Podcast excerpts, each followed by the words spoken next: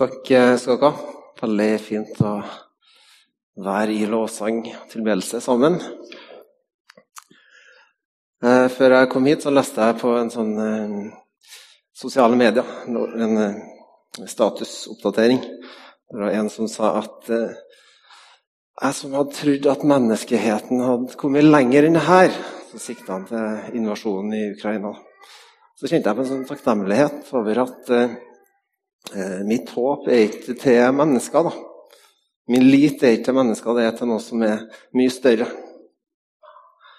Eh, så kjente jeg på en sånn fantastisk eh, takknemlighet over det, og over friheten vi har her. da. Så la oss være et folk som fremmer frihet, fred og rettferdighet. Det må vi stå opp for. Heter Rune. Eh, nå ser det ut som jeg kjenner de fleste her, så jeg trenger ikke å presentere meg sånn altfor eh, mye.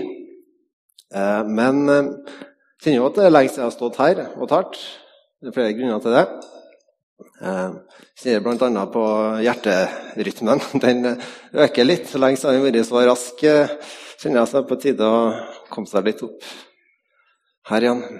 Jeg er så privilegert å få lov til å studere Bibelen på heltid for tida. Jeg er student på gårdssenteret, Og så har Øystein, Øystein, og Marianne eh, tatt ledelsen inntil videre. Så tenkte jeg at ja, det må ha vært to stykk for å ta den ene jobben som jeg hadde. Ja, mm, ja alle var enige. Det var egentlig spøk. Men eh, mm. ja, at de har jobb, annen jobb i tillegg også, det er takknemlig for det, det dere gjør.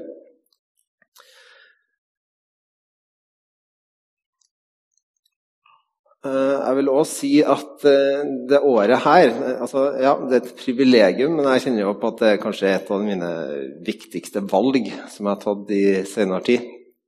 Eh, virkelig, virkelig en investering i liv og dem rundt meg. Det er utrolig verdifullt.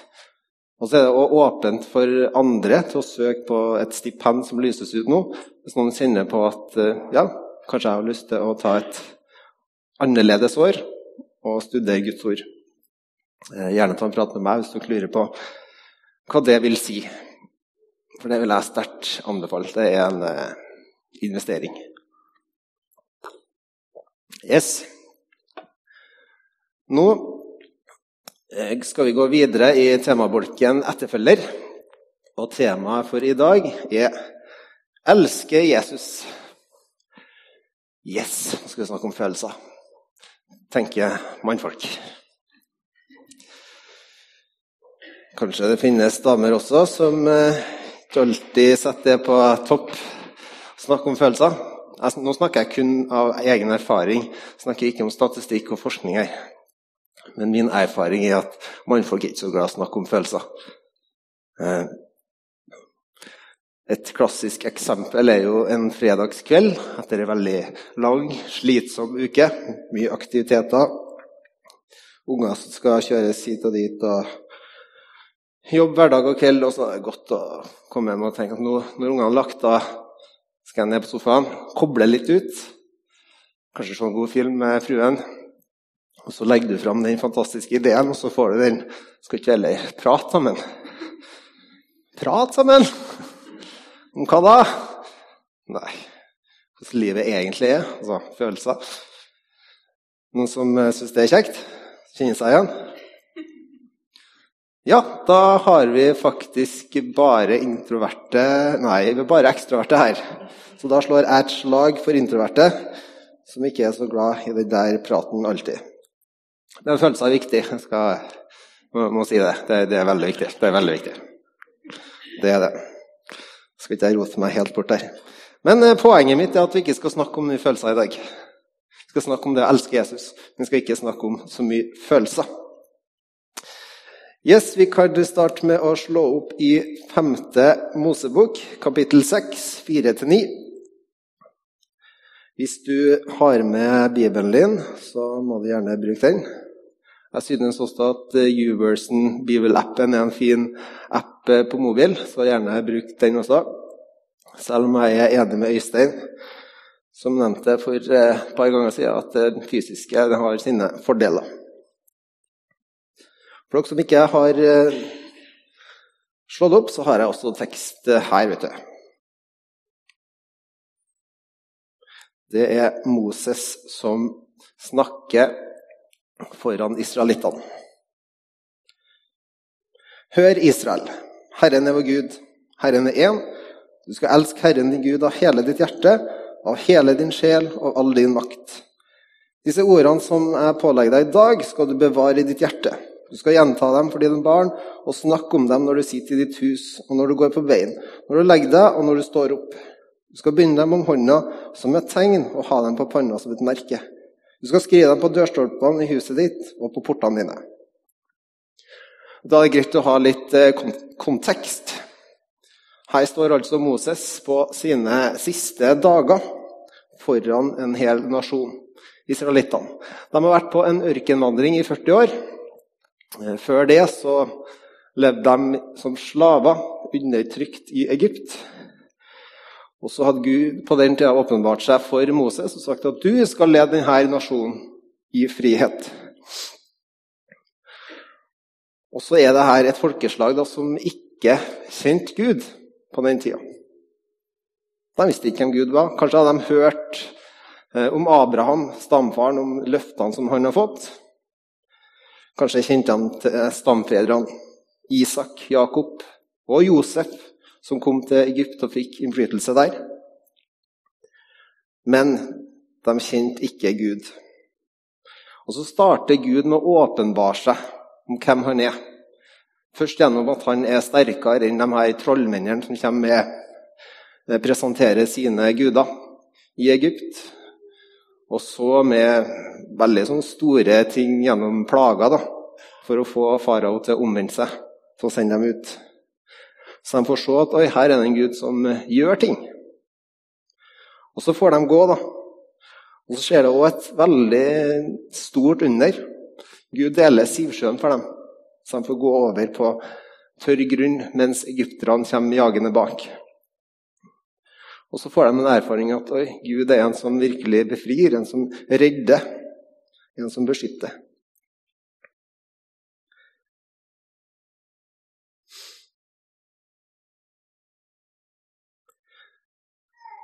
Og så får de, ja, de får den opplevelsen at Gud er en som redder.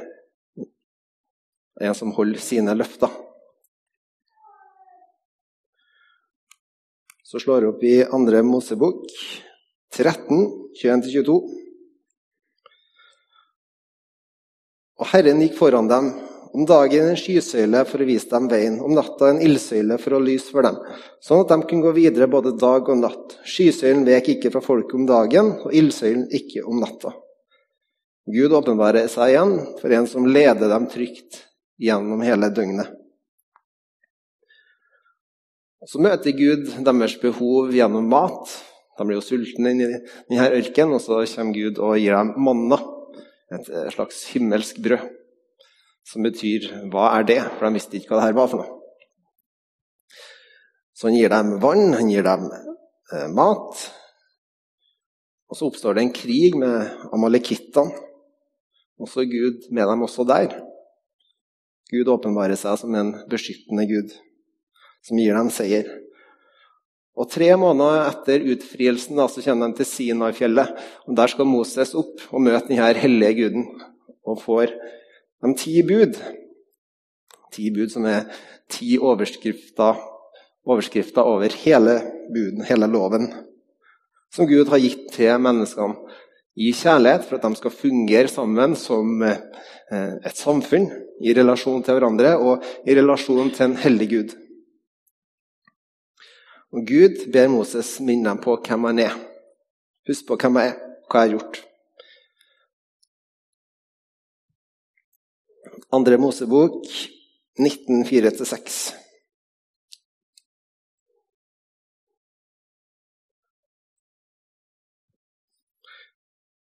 Dere har sett hva jeg gjorde med egypterne, og hvordan jeg løfta dere på ørnevinger og bar dere hit til meg. Hvis dere adlyder min røst og holder min pakt, skal dere være min dyrebare, min dyrebare eiendom framfor alle andre folk, for hele jorda er min. Dere skal være et kongerike av prester og et hellig folk for meg.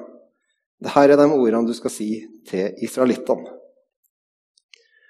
Ordet 'hellig' det betyr adskilt, eller skilt ut ifra. Eh, når ordet 'hellig' brukes om Gud, så betyr det at det er ingen andre som Gud. Ingen som er lik Gud. Han er suveren i perfeksjonisme, i rettferdighet. I, han er over alle ting.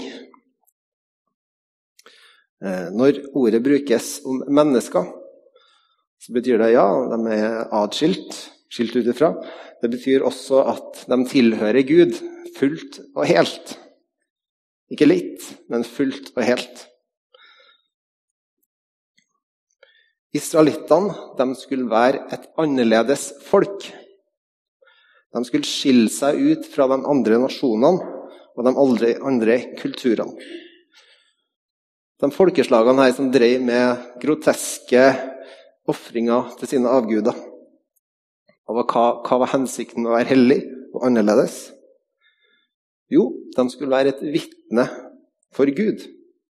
Gjennom sin måte å le på så skulle de peke på Gud. Så skulle de få, eh, få dem til å vende seg mot Gud. I første Peterbrev kan også vi lese om at vi er et hellig folk. Vi er kalt til å leve radikale og annerledes liv nettopp for å peke på Jesus. De første kristne de skilte seg ut i samfunnet pga. deres integritet, ærlighet, sympati, tilgivelse, deres seksuelle moral og økonomisk sjenerøsitet. De var hellige. Er vi det? Liten avsporing, men jeg tenker det er viktig å snakke om når vi snakker om ordet 'hellig' og det å være en etterfølger av Jesus. Så får Moses instrukser om å bygge telthelligdommen, tabernaklet. Der skulle Gud ta bolig blant menneskene. Gud skulle igjen åpenbare seg som en gud som var nær, som var midt blant folket. Et tydelig frampek og et bilde på det som skulle skje igjen, at Jesus skulle komme og ta bolig blant menneskene. Men israelittene sleit jo virkelig med å forholde seg til en gud som var usynlig. De var oppvokst i Egypt og var jo vant til å forholde seg til guder som var menneskeskapt. Så når Moses var oppe på fjellet og brukt for lang tid, så bygde de seg en eh, avgud, eller en gullkalv. Og det her opprøret det blir på en måte et bilde på de menneskene gjennom denne ørkenvandringene. For hva gjør menneskene? Jo, de gjør opprør mot Gud. De vender seg vekk fra Gud og har ikke, mis, har ikke eller Deres mistillit til Gud da, får konsekvenser. Og konsekvensene er at de ikke får innta det lovde land. Den første generasjonen får ikke innta det lovde land, og det gjør heller ikke Moses. Og så spoler vi 38-39 år fram i tid. Den første generasjonen israelitter er nå død. Og så står, står andre generasjonen her foran Jeriko med Jordanelva imellom seg. Moses er på sine siste dager, har gitt stafettpinnen til Josva og står nå og snakker foran denne nasjonen som skal inn og innta det lovde landet. De skulle få lov til å endelig oppleve at Guds løfte ble innfridd. En generasjon som var født i ørken, som var vant til å reise rundt. De har aldri bodd på noe fast plass før. Og 120 år gamle Moses står nå foran denne flokken, rett før han skal dø. Og Når du skal gi slipp på en hel generasjon som skal på en måte inn, så da veier du ordene dine. Moses sine avskjedstaler til israelittene var viktig. De skulle få en ny start. De skulle bygge opp samfunnet igjen. Og de trengte å minnes budene, forordningene, og, og forstå hvordan de skulle praktisere det her. Så fikk de med seg en forsikring At dersom dere følger de her budene, så skal det gå dere godt. Dere skal bli velsigna. Men dersom dere vender dere vekk fra Gud, så vil det få konsekvenser. Da vil ondskapen igjen komme iblant dere. Derfor var det så viktig for israelittene å ta tak i det Moses sa. Da går vi igjen til 5. Mosebok, kapittel 6, 4 9. Hør, Israel, Herren er vår Gud, Herren er én. Du skal elske Herren din Gud av hele ditt hjerte, av hele din sjel, av all din makt. De her ordene som jeg pålegger deg i dag, skal du bevare i ditt hjerte. Du skal gjenta dem for dine barn og snakke om dem når du sitter i ditt hus, og når du går på veien. Og når du legger deg, når du står opp. Du skal binde dem om hånda som et tegn, og ha dem på panna som et merke. Du skal skrive dem på dørstolpene i huset ditt og på portene dine. Så leser vi videre fra vers 10. Nå vil Herren i Gud føre deg inn i det landet som han med ed lova dine fedre, Abraham, Isak og Jakob, og gi deg med store og vakre byer som du ikke har bygd, velfylte hus som du ikke har fylt, utgravde brønner som du ikke har gravd, vinmarker og oliventrær som du ikke har planta. Når du så er spist og blitt mett, vokt deg da så du ikke glemmer Herren, som førte deg ut av Egypt, ut av slavehuset. Det er så viktig å huske hvem Gud er. da. Hvem er det som forsørger? Hvem er det som velsigner? Det er Veldig lett å eh, snu det og se på seg sjøl. At det jeg har, det jeg eier, det jeg får til, det, det fortjener jeg. Det er jeg som har klart det. Og så er det på en måte grunnsinna når vi vender blikket mot oss sjøl. Tenker at vi vet best. Og så kaller Gud oss som å vende blikket på Han. Gud vil ikke at vi bare minnes hvem han er. Først ber han israelittene om å elske han av hele deres hjerte, sjel og makt. Gud ønsker hele mennesket. Verset sier likevel noe om viktigheten av å minnes og lære hverandre hvem han er, og hva han har gjort. Så det er veldig sånn praktisk sånn sett. Prat sammen i familien. Del med hverandre hvem Gud er. Hvem han er. Snakk om Gud i hjemmene. Så hvordan kan vi anvende dette i livene våre? da? Opplære barna våre. Det står noe om. Vær forbilder for generasjonene, spesielt under oss, kanskje. Ikke vær perfekt, men vær forbilder. To forskjellige ting. Og så har jeg sagt det før, og jeg har lyst til å si det igjen, at eh, vi må, de som er ned og lærer barna våre, de minste i menigheten, eh, de, de, de får den anerkjennelsen som de kanskje fortjener. da. For de gjør en livsforvandlende jobb ned. Jeg tror ikke fire, fem, seks, sju, åtteåringen sier til Kristine, Hilde eller Gjertrud eller hvem det er som har ansvaret. Eh, 'Tusen takk for at du lærte meg å be i dag.' Eller 'Tusen takk for at du lærte meg en ny side om Gud.' De verktøyene som du gir meg. Så de får ikke den responsen. da. Så da tenker jeg vi eh, voksne må være flinke til å takke dem for det arbeidet som også skjer ned. Det tenker jeg òg er overførbart her òg, at vi anerkjenner hverandre. Det er så viktig.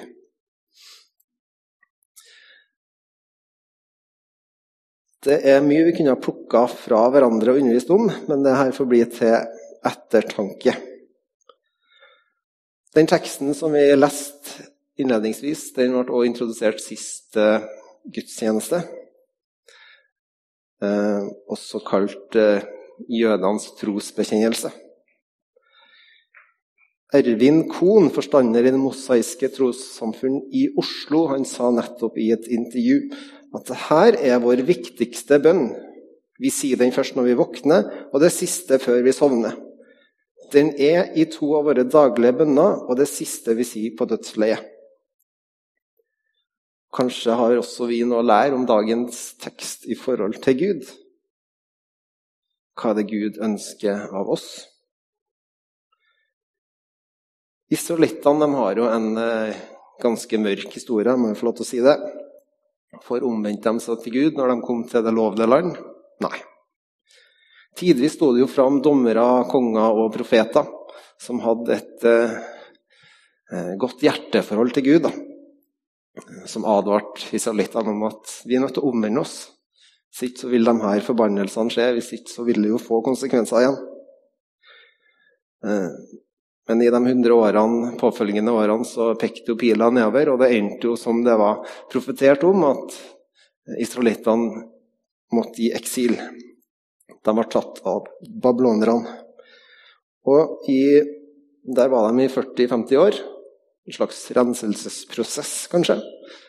For det var noen som valgte å reise tilbake for å bygge opp samfunnet igjen etterpå. Og så var det kanskje deres frykt for at dette skulle gjenta seg. Frykta for at uh, han skulle vende seg bort fra Gud, at det loviske begynte å gro fram. Da. At nå, nå, er vi nødt til å passe på at vi ikke vender oss vekk fra Gud.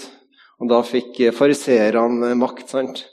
At eh, nå må vi passe på å gjøre alt rett.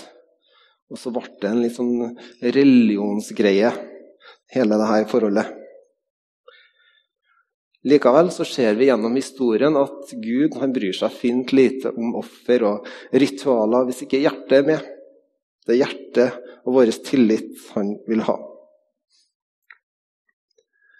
Gjennom Bibelens historie ser vi også den røde tråden om Guds hensikt og plan helt fra starten av.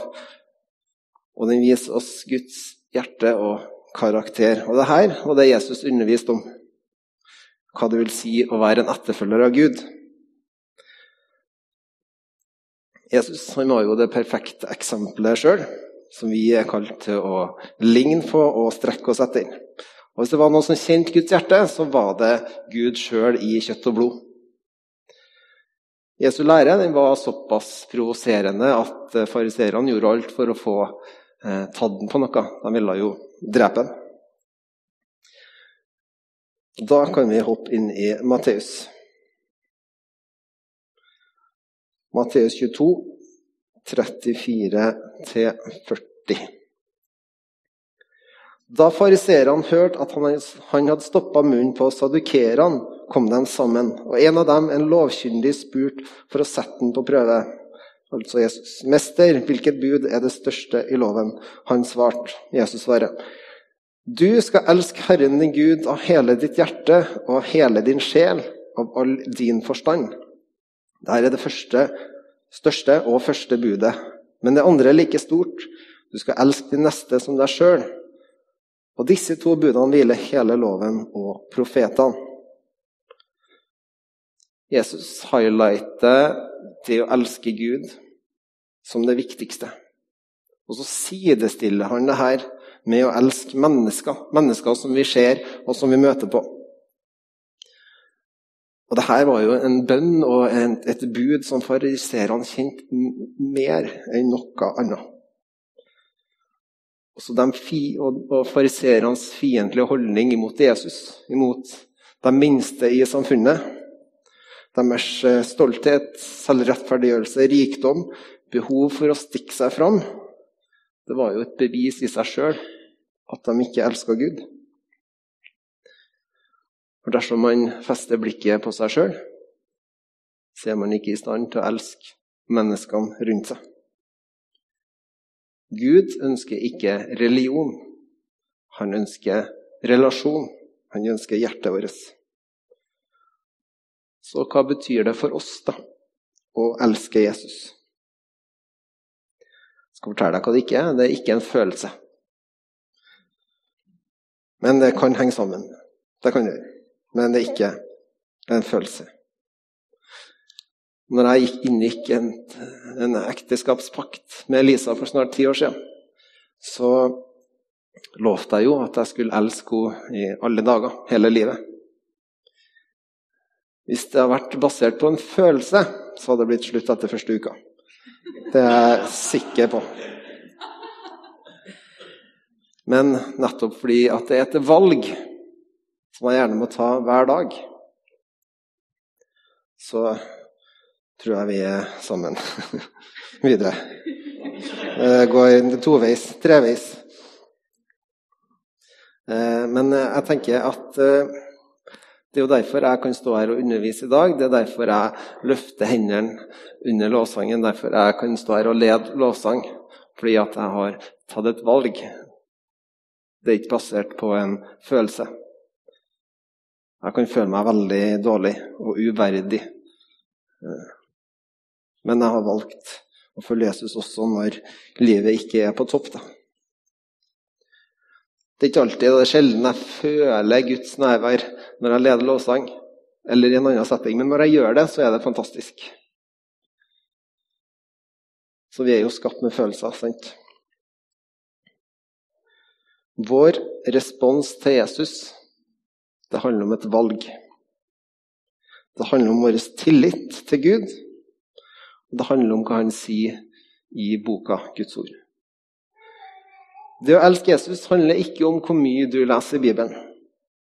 Det handler ikke om hvor mange ganger du er på gudstjeneste. Det handler ikke om eh, du synger eller ikke under låssangen. Det handler ikke om du har en tjeneste i menigheten å gjøre. Det handler ikke om du gir 10% av inntekta di til menigheten. Det handler ikke om hvor snill du er, eller om du inviterer svigermor på middag. Jeg har svigermor på besøk nå, så jeg måtte få med den. Men det er ikke det det handler om. Men det er en respons på det han har gjort for deg, som du skal få lov til å ta imot. Hva sier Jesus da om å elske Han? Johannes 14, kapittel 15.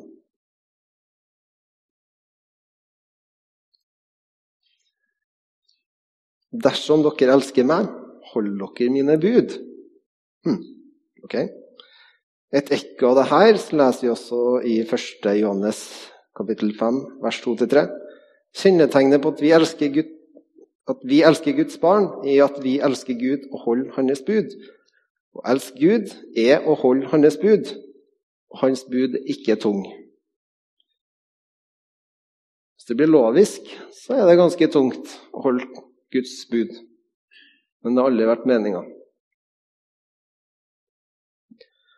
Verken Jesus eller Johannes mener at det å holde Guds bud er det samme som å elske Jesus.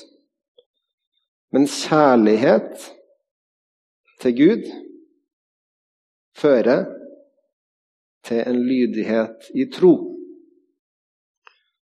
Så det å elske Jesus ser kanskje litt ut som å følge Jesus. Det blir litt teknisk nå, men jeg skal prøve å sy det sammen på slutten her.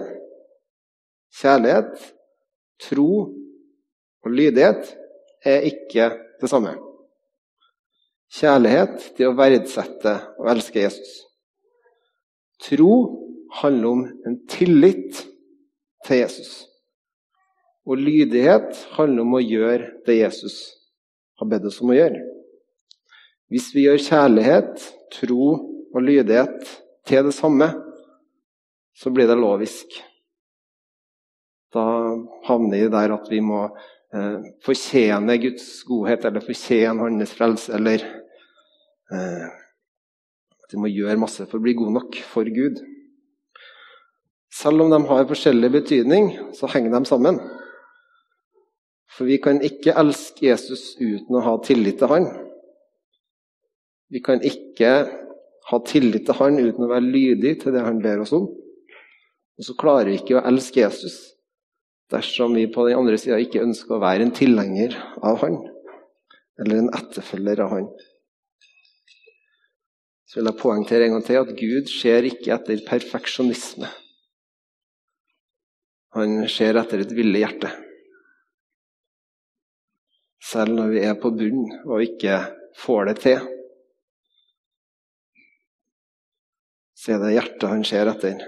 Et villig hjerte, ikke halvveis, men helveis.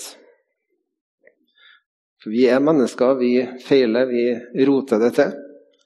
Vi klarer ikke å nå opp til Guds standard.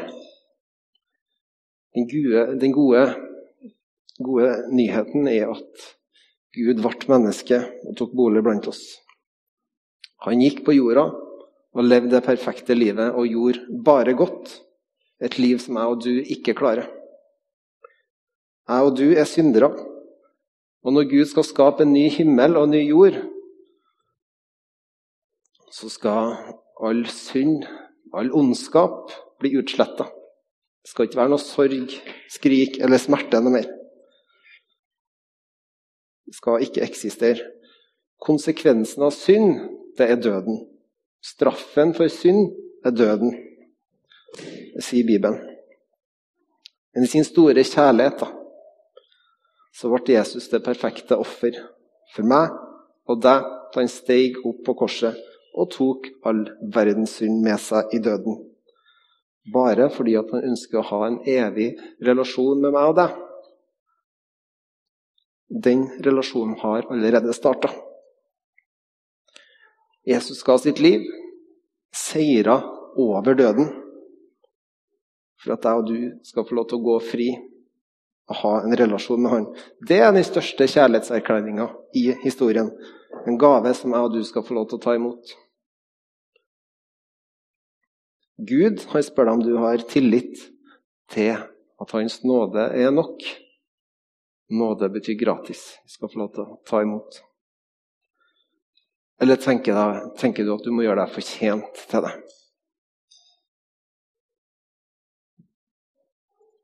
Når Bibelen snakker om tro, så snakker den om tillit.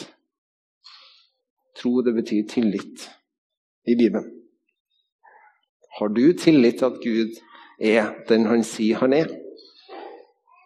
Invitasjonen er å ta imot. Så hva er forskjellen da på Gud og eh, alle andre religioner som finnes her på jorda?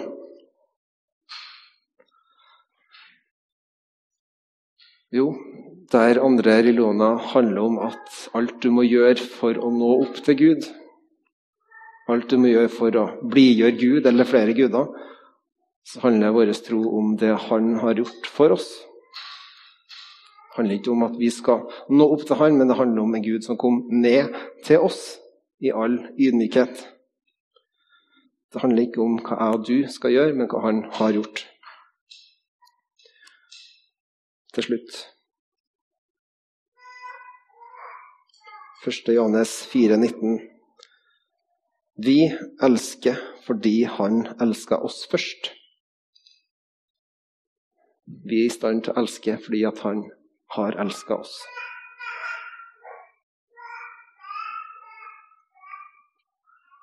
Så har jeg noen eh, spørsmål til slutt som jeg tenker vi kan ta med inn i smågruppefellesskapet eller i familien. da. Og Tanken er jo ikke å være dømmende eller eh, ransakende som negativt sett, men tanken er jo at det her skal inspirere eh, eller kjøre i gang en tankeprosess som kan føre oss til et større tillitsforhold til Gud. For det er det som er, er målet her. Første spørsmål er jo innlysende, egentlig. Hvorfor snakker vi så lite om trua vår og vår relasjon til Gud i familien? Så kjenner jeg at det der eh, Ja, vi snakker jo masse om det her. Så går dere videre til spørsmål nummer to. Jeg, I hvert fall for min del så kjenner jeg at her kan vi eh, Vi kan snakke mer om gudsrelasjonen i vår familie, i hvert fall. Det kjenner jeg på. Hva betyr det for deg og elske Jesus med hele deg. Hva betyr det å sette Gud først? Hvordan kommer det til syne at Nordkirken er et hellig folk? Hellig folk det betyr ikke bedre enn andre. Det må vi stadfeste. Og til slutt, hva er ditt anker i livet? Er det økonomi, materialisme, familie, Jesus eller noe annet? Jeg kommer til å legge ut de her spørsmålene på hjemmesidene. Og som sagt, målet er større tillitsforhold til Gud.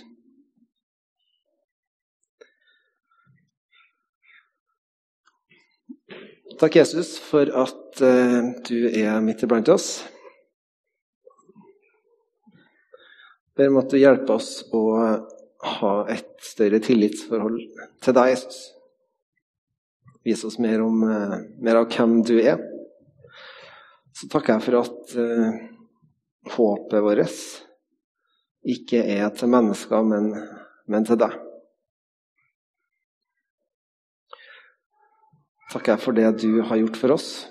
Takker jeg for at det ikke handler om uh, oss og det vi skal gjøre for deg, men hva du har gjort for oss.